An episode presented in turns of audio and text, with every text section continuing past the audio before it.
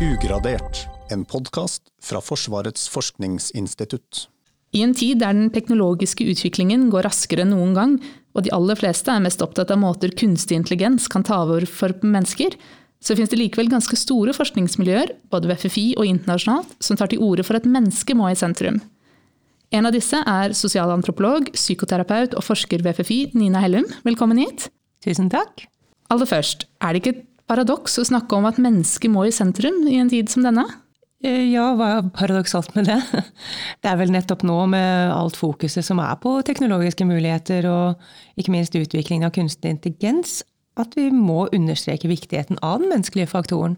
Og hva legger du i den menneskelige faktoren? Ja, alt som har med mennesket å gjøre, rett og slett. Atferd, eh, tanker, relasjoner, påvirkning. Og nettopp det at vi skal huske at det er jo faktisk mennesker som både finner opp, utvikler, produserer og bruker teknologi. Teknologien har ikke oppstått av seg selv i et vakuum. Det er menneskelig påvirkning på all teknologi som finnes. Og noen ganger så tror jeg jeg får liksom følelsen av at mange tror at teknologi lever sitt eget liv uavhengig av oss mennesker. Og det er mulig at kunstig intelligens gjør det på en viss måte. Men det er en veldig liten del sammenlignet med all den teknologien vi bruker og omgir oss med. Og det er jo nettopp i samspillet mellom menneske og teknologi at det skjer både spennende, farlige og flotte ting. Teknologien er jo ikke nøytral. Altså Teknologien kanskje i seg selv er nøytral, men den er jo påvirket av de som har lagd den. Den er påvirket av hvordan vi bruker den, og det ligger jo menneskelige vurderinger bak teknologien. I hvert fall det meste, da. Med mindre den er selvgående etter hvert, som vi er jo redde for. Og det er mennesker som forholder seg til teknologien, og bruker den jo på det menneskelige vis, da. Hvorfor er det så viktig da, å forstå menneskets oppfattelser og opplevelser og holdninger? Eller hva kan det gi av innsikt når vi snakker om forsvar og sikkerhetspolitikk?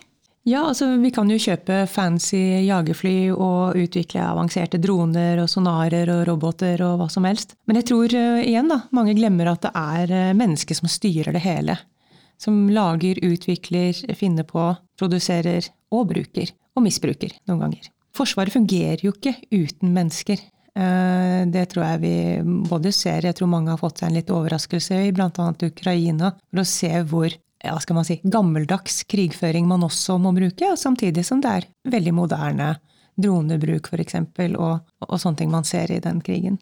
Så dette med at personellet er Forsvarets viktigste ressurs, er jo et mantra som går igjen i Forsvaret. Det må kanskje tas enda mer hensyn til. Da. Og da har vi jo både dette når det gjelder rekruttering og seleksjon. Du har sosial og psykologisk motstandskraft, soldaters yteevne eh, f.eks. i kaldtværsoperasjoner. Hvordan du skal utdanne, beholde, beholde folk. Hvordan uniformer og utstyr til soldatene produseres og lages og utvikles. Eh, medisinske og biologiske muligheter. Man kan bruke kjemiske stoffer som våpen. Man har økonomiske maktmidler som mennesker påvirkes av, og påvirker. Så alt handler om mennesker. Eh, mener jo jeg da.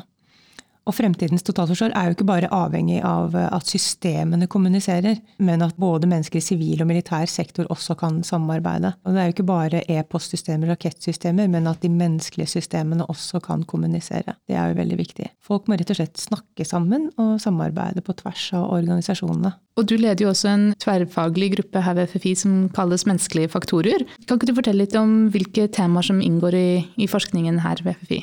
Ja, altså Kompetansegruppe på FFI det er, eh, det er, jo gjerne en tverrfaglig gruppe som er på tvers av avdelinger og på tvers av fagbakgrunn, kanskje, og også på tvers av eh, prosjekter som vi jobber med. Og hele hensikten med det er at man skal kunne samles om et tema og, og finne synergieffekter på tvers av det man vanligvis jobber med. Vi har jo gjerne litt tette skott, og vi sitter med vårt. Så det er nettopp for liksom å bre ut den kompetansen, og dele kompetanse og øke kompetanse. Og når det gjelder dette med menneskelige faktorer, så mener jo jeg at det er noe som alle burde være opptatt av, fordi vi alle er mennesker. Og som forskere så påvirker vi jo forskningen. Vi tar valg når det gjelder bruk av metode. Vi tar valg som gjelder etiske vurderinger i forskningen vår. Eh, også når vi utvikler våpen, eller om vi intervjuer soldater, eller Uansett om vi lager analyser på Russlands uh, forsvarsevne, så er jo dette menneskelige faktoren er jo viktig inni det. For det er vi som tar vurderinger i hvordan vi gjør denne forskningen. Denne høsten så prøver vi å få fokus på dette med fremtidens soldat som et samlende begrep for uh, Eller samlende tema for uh, ulike forskere på FFI inni menneskelige faktorer-gruppa. Og når det gjelder fremtidens soldat, så kan det jo Fantasien er jo det som setter grenser, hvor mange mulige aspekter man kan se på det. Og der er det jo både det med biologiske eller medisinske, eller biotiske, som da betyr levende organismer som finnes i et økosystem. Eh, kjemiske, fysiologiske, fysiske, sosiale, sosiokulturelle, psykologiske, teknologiske og organisatoriske egenskaper. Men hvordan kan denne forskningen på menneskelige faktorer da bidra til å øke Forsvarets operative evne? Ja, altså ved å, ved å forbedre yteevnen til soldater på ulike måter, så øker man jo robustheten også, eller det er i hvert fall hensikten. da. Eh, gjøre det mindre sårbare. Og når man gjør det, så blir jo Forsvarets operative evne også eh, bedre. Og vi skal heller ikke glemme igjen da, at det er mennesker som står bak teknologiutviklingen, og at det er mennesker som forholder seg til den. Og det er mennesker som lager våpen, det er mennesker som bruker dem, eh, og det er mennesker som er mål for våpen. Så det er klart at de menneskelige faktorene inn i dette er jo veldig viktig for å kunne lykkes med operasjoner i krise og krig. I din forskning så har jeg lest at du skriver om at mennesket ikke nødvendigvis handler rasjonelt, men ofte relasjonelt. Hva betyr dette, eller hva er dette relasjonelle mennesket? Det er du og meg, da. vi er relasjonelle. Vi sier jo i, eh, i, den terapiformen jeg har lært, så sier vi jo dette at vi blir til i møte med. Det vil si når jeg møter deg, så, så oppfører jeg meg på en viss måte som kanskje ikke er den samme som når jeg er sammen med tenåringssønnen min, f.eks. Så vi, vi, endrer jo noe av de fleste av oss, da. Når man har litt sosiale antenner på en måte, så endrer man jo litt atferd. Litt avhengig av hvem man er sammen med. Noen tenker at mennesket fører seg rasjonelt eller irrasjonelt. Jeg tenker at det er relasjonelt, og den ideen har jo ikke jeg funnet på selv. Det kommer jo fra bl.a. Anna Kira, som er en amerikansk sosialantropolog. Hva betyr det å handle rasjonelt, da? Jo, at det er i tråd med andres forventninger, kanskje. Så når vi forholder oss til noe utenfor oss selv, eller også til oss selv Vi har jo en relasjon til oss selv. Vi har jo tanker, vi snakker til oss selv, vi tenker. Vi har også relasjoner til andre. Og vi har relasjon til det som skjer rundt oss. Det vil si omgivelsene våre. Og det er jo både teknologi og andre mennesker og natur, dyr, alt som er rundt oss. Og det er i møte med, med den verden at vi opptrer eh, relasjonelt. Fordi vi opptrer på bakgrunn av erfaringene våre, hva vi har lært, hva vi har opplevd. Eh, kanskje på bakgrunn av kjønn, hvem vi er, hvilke egenskaper vi har. Og Hvordan passer da dette relasjonelle mennesket inn i den teknologiske utviklingen og, og disse spørsmålene? Vi forholder oss jo relasjonelt i møte med teknologi, og hvordan vi oppfører oss og opplever teknologi. Det innebærer at for å forstå atferd, så må vi studere hva folk gjør i tillegg til hva de sier de gjør. Det er jo ikke alltid det samme. Og I tillegg så vil jeg si at det menneskelige som ofte forbindes med følelser, det latterliggjøres eller gjøres mindre verdifullt noen ganger. Eh, Descartes lanserte jo mer et skille mellom kropp og sjel, og det har jo vært veldig mantra i medisinske eh, kretser eh, siden. Og jeg hørte et intervju her om dagen med en professor i allmennmedisin ved noe som heter Filosofisk poliklinikk ved Universitetet i Bergen, som jeg syns var en veldig interessant. Edvin Skei het han. Og han mener jo at dette skillet mellom kropp og sjel ikke, kan, eh, ikke er naturlig. Da. Han mener at det er et, et kunstig skille fordi det henger sammen. Og han blir spurt bl.a. om han ønsker å utdanne leger som bryr seg mer om følelser og mindre om fornuft. Og da svarer han nei, mer om fornuft, sier han. Det er veldig ufornuftig å ikke bry seg om følelser. Det er noe med hvordan følelser blir sett på som irrelevant, ikke rasjonelt, og at det styrer oss på en måte som ikke er heldig. Men det er jo følelsene som er bundet sammen med fornuften. Og det, det, det er jo følelsene som gjør at vi også er relasjonelle. Fordi vi føler noe i forhold til omverdenen, og også i forhold til oss selv. Det å være rasjonell når mennesker møter teknologi. Ja, rasjonelt, men også relasjonelt. Det er en relasjon til teknologi. Vi kan jo synes at teknologi er tipp topp, og mye av det mulighetsrommet som er der, er jo fantastisk. Men også frustrasjonene som kommer når teknologien ikke funker. I tillegg så bruker vi mennesker teknologien ofte på måter som produsentene ikke har tenkt at den skal brukes til. Og ja, hvordan da?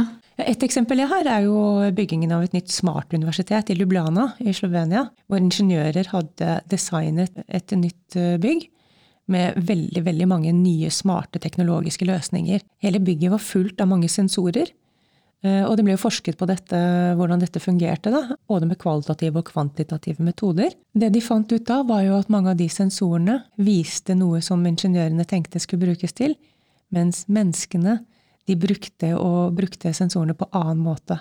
Blant annet ved noen møterom hvor de skrudde på en annen knapp for å late som de ikke var der. De lurte systemet, rett og slett? De lurte systemet. Mennesket tilpasser seg og er relasjonelt i forhold til eh, omgivelsene sine. Men jeg tenker, du er jo selv sosialantropolog, og har kanskje derfor naturlig nok en ganske sterk bevisstgjøring omkring de menneskelige faktorene. Men er dette da noe som utelukkende hører hjemme blant de mykere vitenskapene? Eller bør det menneskelige også få en større plass i realfagene, tenker du? Nå har du jo vært inne på dette fra medisin allerede, men Jeg er jo en lidenskapelig forkjemper for tverrfaglig samarbeid. Og jeg tror det kommer til å være veldig nødvendig framover at man samarbeider. Om man skal reflektere det innenfor fag, det kan kanskje være hensiktsmessig. Og det finnes vel i dag flere muligheter til å sette sammen en fagbakgrunn enn tidligere, hvor man studerte ett fag, og det var det faget man tok, og det var det man ble. Jeg tror det gir en unik innsikt på flere områder hvis man har en kombinasjon av litt ulike typer fag i en, en fagkrets. Da. Eh, og på prosjektet vårt, eh, CSPY, som forsker på påvirkning, så har vi bl.a. et par forskere som har bakgrunn fra både datavitenskap og fra sosiologi. Og jeg tror kombinasjoner av det blir viktigere og viktigere og veldig mye mer relevante i fremtiden. Og det betyr at komplekse spørsmål krever komplekse studier. Og det tror jeg vi vil se mer fremover. Så ja, jeg tror vi vil se mer av det menneskelige i realfagene. Jeg har tidligere hørt deg snakke om teknosjåvinisme. Hva er egentlig det for noe? Ja, Sjåvinisme er jo et ord du kjenner til, ikke sant? og det betyr jo å mene at noe er bedre enn noe annet, egentlig. å og behandle folk på bakgrunn av det. Teksjåvinisme, eller teknosjåvinisme, eh, det handler jo om at noen mener at teknologien er bedre enn mennesket. Og vil da fremme teknologiske løsninger på hver enhver problemstilling. Og det er jo i mye av litteraturen om dette med menneske og teknologi så finner man jo at uh, mennesket er the weakest link. Vi er det svakeste ledd. Det kommer igjen og igjen. Og på hvilken måte er da mennesket det svakeste leddet? Ja, jeg vet jo ikke om det er det, men det er jo gjerne mm, Man blir jo kalt det fordi at det, det er jo hvordan man bruker teknologien. Og når da mennesker bruker teknologi feil, at det er menneskelig svikt som gjør at noe går, at det er ulykker eller et annet uheldig skjer, så er det jo menneskene som får skylden for det. Jeg tenker at det er kanskje viktig å begynne litt i den andre enden. For hvis vi mennesker bruker teknologien feil, sånn at det får uheldige konsekvenser, så er det kanskje noe feil med teknologien i utgangspunktet. Det er jo fremdeles menneskelig feil da, for det er jo mennesker som har utviklet og kommet på den teknologien. Så det kan man jo for så vidt si. Men uh, dette med tek teknosjåvinisme handler jo om at det kun er liksom teknologien som kan løse alle utfordringer og problemer. Uh, og at det er teknologien som skal løse alt for oss. Og det, det, mener jeg jo ikke er riktig, da. Men teknologi bør jo utvikles sammen med brukerne. Som sagt, vi må begynne i den andre enden sånn at den kan formes for best bruk. Og blant annet så finnes det jo designantropologer som bidrar til å snakke med folk i en designprosess. Og da har vi antropologen, amerikanske antropologen Anna Kira. Hun jobbet i noen år for Boeing, flyselskapet. Eh, hvor hun ratta rundt og fløy rundt i verden og intervjua fremtidige potensielle brukere om hvordan Boeing skulle designe, designe flyene sine. Og hun snakket da med passasjerer, kabinpersonale, piloter, sikkert bakkemannskap og andre og fikk helt unik innsikt i rett og slett hvor skoen trykket. Da. Og den kunnskapen den, den brukte de i designe flyene sine senere. Uh, og det er klart at sånn kunnskap er jo kjempeviktig for utvikling av teknologi, og også i vår sammenheng som er mer forsvarssammenheng. Når det gjelder forsvarsutstyr, uh, så må man jo snakke med folk. Man må spørre brukerne. Hvor er det skoen eller uh, militærstøvelen? hvor er det den trykker? Og dess bedre tilpassa utstyr, jo, dess bedre operativ evne vil vi ha. Men da kommer vi jo inn på dette med grensesnittet mellom menneske og teknologi. Og hvor går egentlig denne grensen, eller hva er det som ligger i dette grensesnittet som det ofte snakkes om? Ja, altså hvor grensen mellom teknologi og menneske går, det, enn så lenge så går jo den eh, mellom menneske og ting, på en måte. Samtidig så er det jo folk som har operert dingser inn i kroppen sin, så den, eh, vil ikke si at den utviskes, men den endres da, den grensen.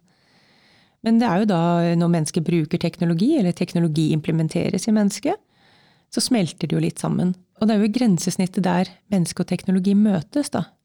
Eh, at eh, det oppstår en del problemstillinger. Det oppstår masse bra, men også ting som kanskje ikke er så bra. Og det er jo de tingene vi må forske mer på og finne mer ut av. Hvordan skal vi håndtere det? Hvordan skal vi utvikle teknologi for å tilpasse mennesket? Der kommer jo spørsmålet skal vi utvikle teknologi for å tilpasse mennesket, eller skal mennesket tilpasse seg teknologien? Eller kanskje vi må gjøre begge deler. Det kan jo hende. Men hva med da de tilfellene der teknologien brukes for å forbedre menneskets yteevne. Altså det som Nato nå omtaler som human enhancement.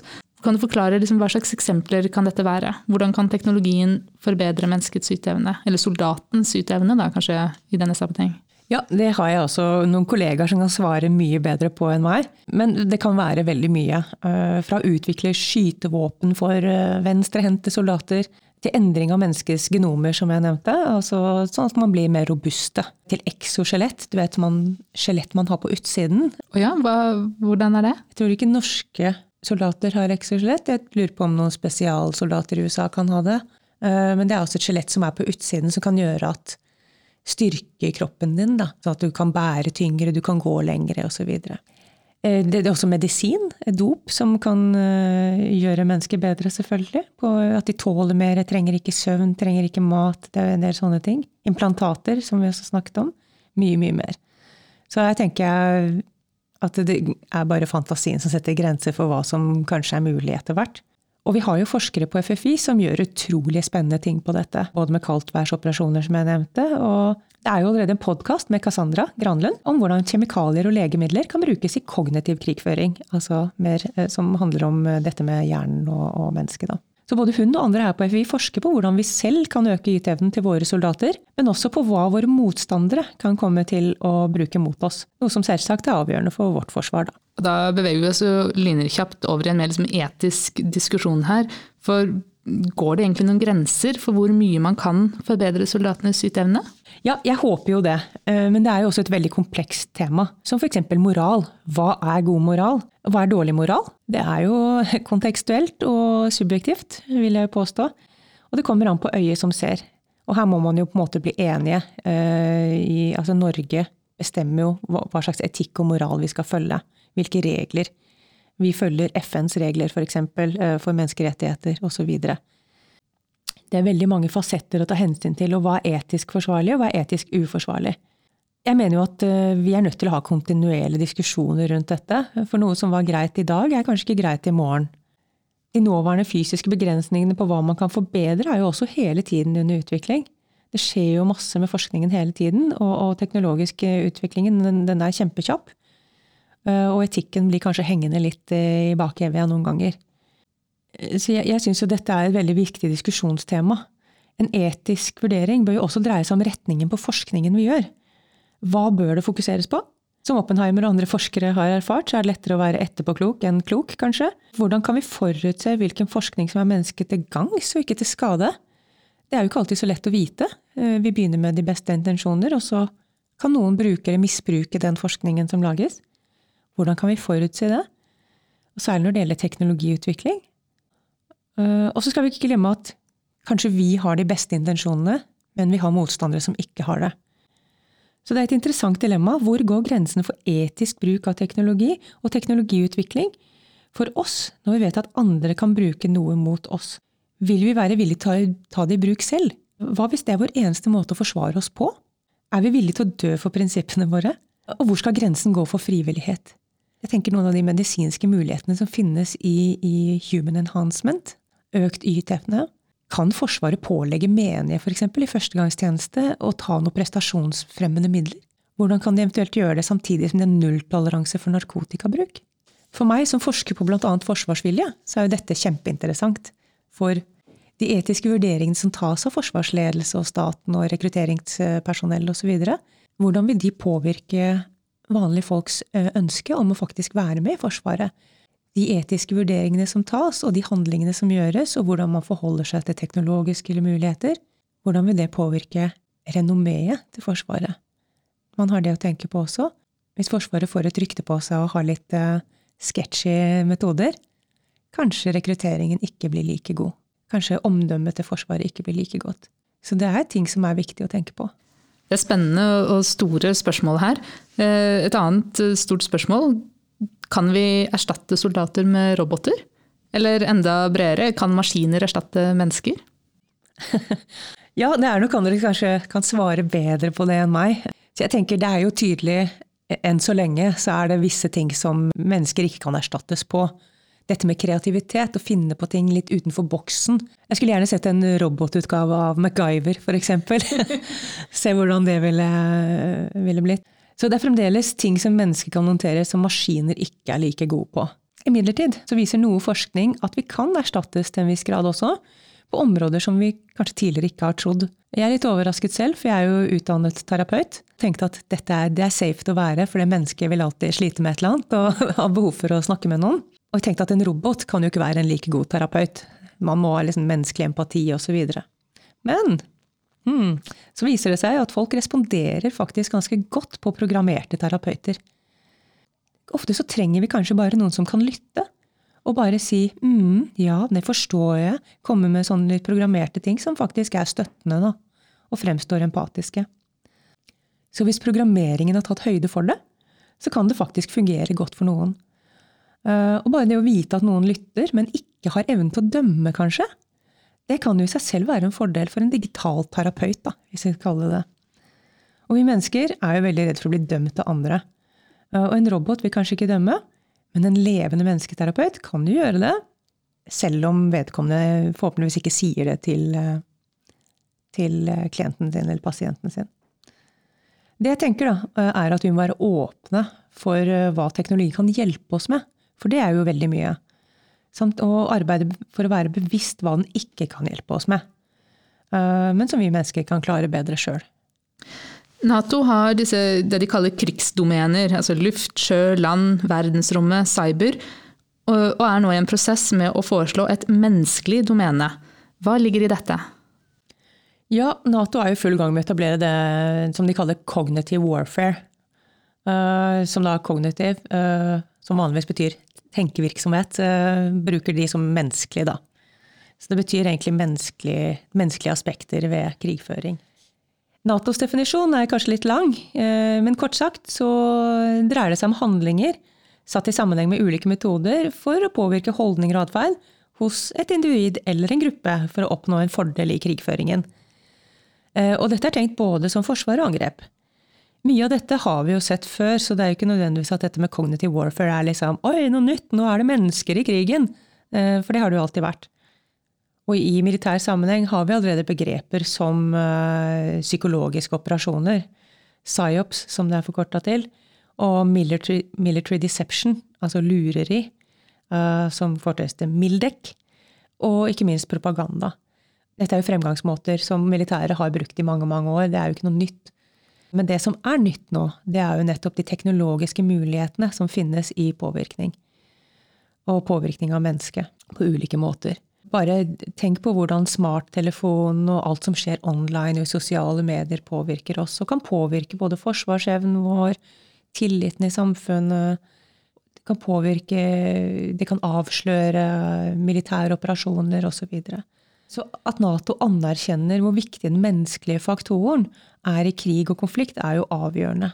Man kan jo kanskje argumentere for at Eh, er det behov for et nytt domene i seg selv? Det menneskelige aspektet burde kanskje uansett vært implementert eh, som en naturlig del av de andre domenene.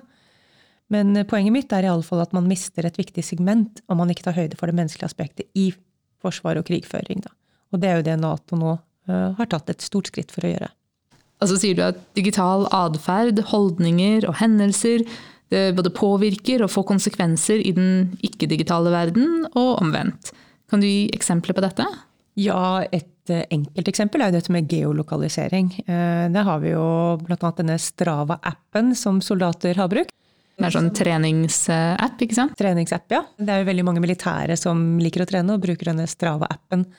Og da kan jo andre også se hvor du er. Og det er klart at å gi andre tilgang til det er jo ikke så veldig lurt hvis du eh, befinner deg i en hemmelig militærleir. Så det var det noen amerikanske soldater som gjorde, og da det kan jo gå utover den operative sikkerheten. Da. Et annet eksempel er jo dette med dronepiloter. Siden handlingene til piloten er bare digitale, de sitter jo der nesten som om de skulle sitte og game. Men konsekvensene er jo fysiske. Ja, og for, for, noen år tilbake siden, og fortsatt egentlig, så er det jo mye snakk om nettopp den dehumaniserende effekten som f.eks. bruk av droner i krig kan ha. Som du sier, at en soldat kan sitte bak en skjerm på et kontor langt unna den faktiske krigssonen og ta liv. Og nå har det jo vært forsket en del på dette de senere årene. Så hva sier egentlig de foreløpige funnene om hvordan denne type krigføring faktisk påvirker menneskene da, som utfører den? Jo, altså Det er jo forskning som viser at denne typen krigføring har negative konsekvenser på begge sider. Da, ikke sant? Eh, de som blir drept, og de som dreper. Flere dronepiloter har jo i ettertid hatt psykiske problemer med både angst, depresjon og stressrelaterte sykdommer. Det finnes jo også en del det har gått bra med, men det er også forska ganske mye på skadevirkningene hos de som, som driver med denne type militær aktivitet. Da. Og en av dem, eh, han eh, sluttet jo eh, og reiste rundt og holdt foredrag. Tror han skrev bok også. Han fortalte om lange og krevende arbeidsdager. De hadde ikke ferie. Det var et ganske tøft machomiljø. Det var lite rom for å dele negative følelser, eller å dele det at dette er vanskelig eller problematisk å drive med. Og han selv han sa at han slutta den dagen han hørte seg selv si, da han ankom jobb, og sa Hello, what motherfuckers are we gonna kill today? Og først da så innså han liksom hvor dehumaniserende effekt denne jobben hadde på, på han og hans syn på andre mennesker. Eksempelet ditt med denne Strava-appen er jo også et eksempel på det vi eh, kanskje omtaler som digital sikkerhetskultur. Eh, og kultur er jo et begrep som du som sosialantropolog har særlig god kjennskap til. Eh, hva tenker du egentlig er en hensiktsmessig sikkerhetskultur? Ja, eh, jeg synes nesten det er umulig å svare kort og konsist på det spørsmålet. Kultur inngår i nesten alt vi gjør. Men for å svare på spørsmålet ditt, så har jeg jo tro på bevisstgjøring først og fremst. da. Eh, ikke bare at man maler på at dette er viktig. Jeg mener at god sikkerhetsbevissthet kommer av god informasjon. Eh, hvis man ikke forstår hensikten med regler, så vil man være mindre tilbøyelig til å følge dem. Og i mine studier så ser det ut til at kunnskap om risikokonsekvenser bidrar til høyere digital sikkerhetsbevissthet også. Utfordringen ligger jo i hvordan både organisasjoner og enkeltmennesker skal kunne tilegne seg den relevante og viktige informasjonen og kunnskapen de trenger. Eh, og særlig i en tid der utviklingen skjer så raskt at det er vanskelig å være oppdatert på smutthull og teknologiske muligheter, og hvordan du kan bli lurt.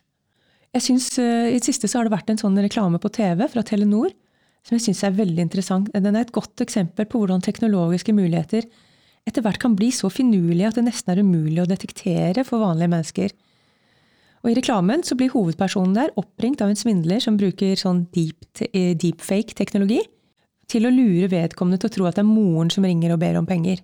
Og jeg syns denne reklamen er så tankevekkende, eh, for jeg ser at hvis det nummeret stemmer, og det høres ut som moren din, hvordan skal du lukte lunta på det?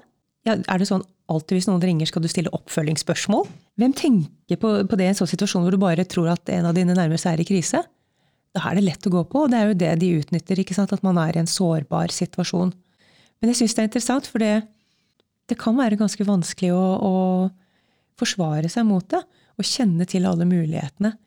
Hvor mange måter kan du bli lurt på? Mange! og hvordan kjenner vi til dem? Det er nesten umulig. Og det er jo et, et, godt eksempel dette, for påvirkningsoperasjoner er vel kanskje det området der det er enklest for oss si, vanlige folk å forstå betydningen av, av, det menneskelige, siden det tross alt er mennesker som, som skal påvirkes. Og jeg tenker ansatte i liksom, totalforsvarsorganisasjoner eh, er jo spesielt utsatt for påvirkning og etterretning i, i det digitale rom. Hvordan tenker du at man aller best kan øke robustheten til, til disse aktørene? Du har allerede vært inne på, på, dette med bevisstgjøring, men er det andre måter også? Ja, jeg tenker bevisstgjøring er jo første skritt. Eh, men man må, man må, vite at det er noen der ute som ønsker å påvirke deg. Til å manipulere deg til endre, at du endrer atferd på en eller annen måte. Eller endrer holdning. Og når jeg snakker med folk i Forsvaret, jeg har jo vært på feltarbeid ute og, og intervjuet folk og bodd sammen med folk, så er det veldig mange som sier eh, jeg har jo ingenting å skjule. Eller jeg er jo ikke noe viktig. Eh, så derfor tenker jeg at jeg tror ikke Russland er vel ikke interessert i å påvirke meg. Men det kan jeg love deg, det er de. Alle i uniform er jo interessante påvirkningsobjekter for de motstanderne vi har, da. I tillegg er hele Norges befolkning også et mål. Eh, hvis f.eks. da Russland ønsker å skape splid i befolkningen, så kan de prøve å gjøre det gjennom å underbygge konflikter. Eh, og det kan jo gjøre Norge mer sårbart. I Norge så har vi jo tradisjonelt sett hatt veldig høy tillit til politikerne og til systemet til staten Norge.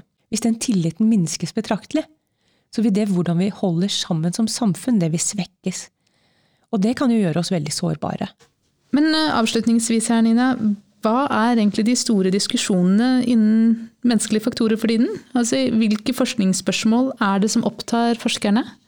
Ja, Det er jo et uh, ganske vanskelig spørsmål å svare på, vil jeg jo si. For det er, det er rett og slett en jungel av forskning der ute. Så en av de største utfordringene jeg mener vi har, er jo nettopp det. At det er så mye, og at det går over i hverandre. Og at ulike fagfelt forsker på å diskutere viktige spørsmål, men uten å dele med andre disipliner, tenker jeg er en stor utfordring. Og tematikken er jo etter hvert så kompleks at ett fag alene kan ikke presentere én løsning. Siden de aller færreste av oss mestrer alle vitenskapene på en gang, så må vi da jobbe med andre. Eh, og det er en utfordring på mange måter. Vi har ulike metoder, vi har ulik tilnærming til etikk, kanskje.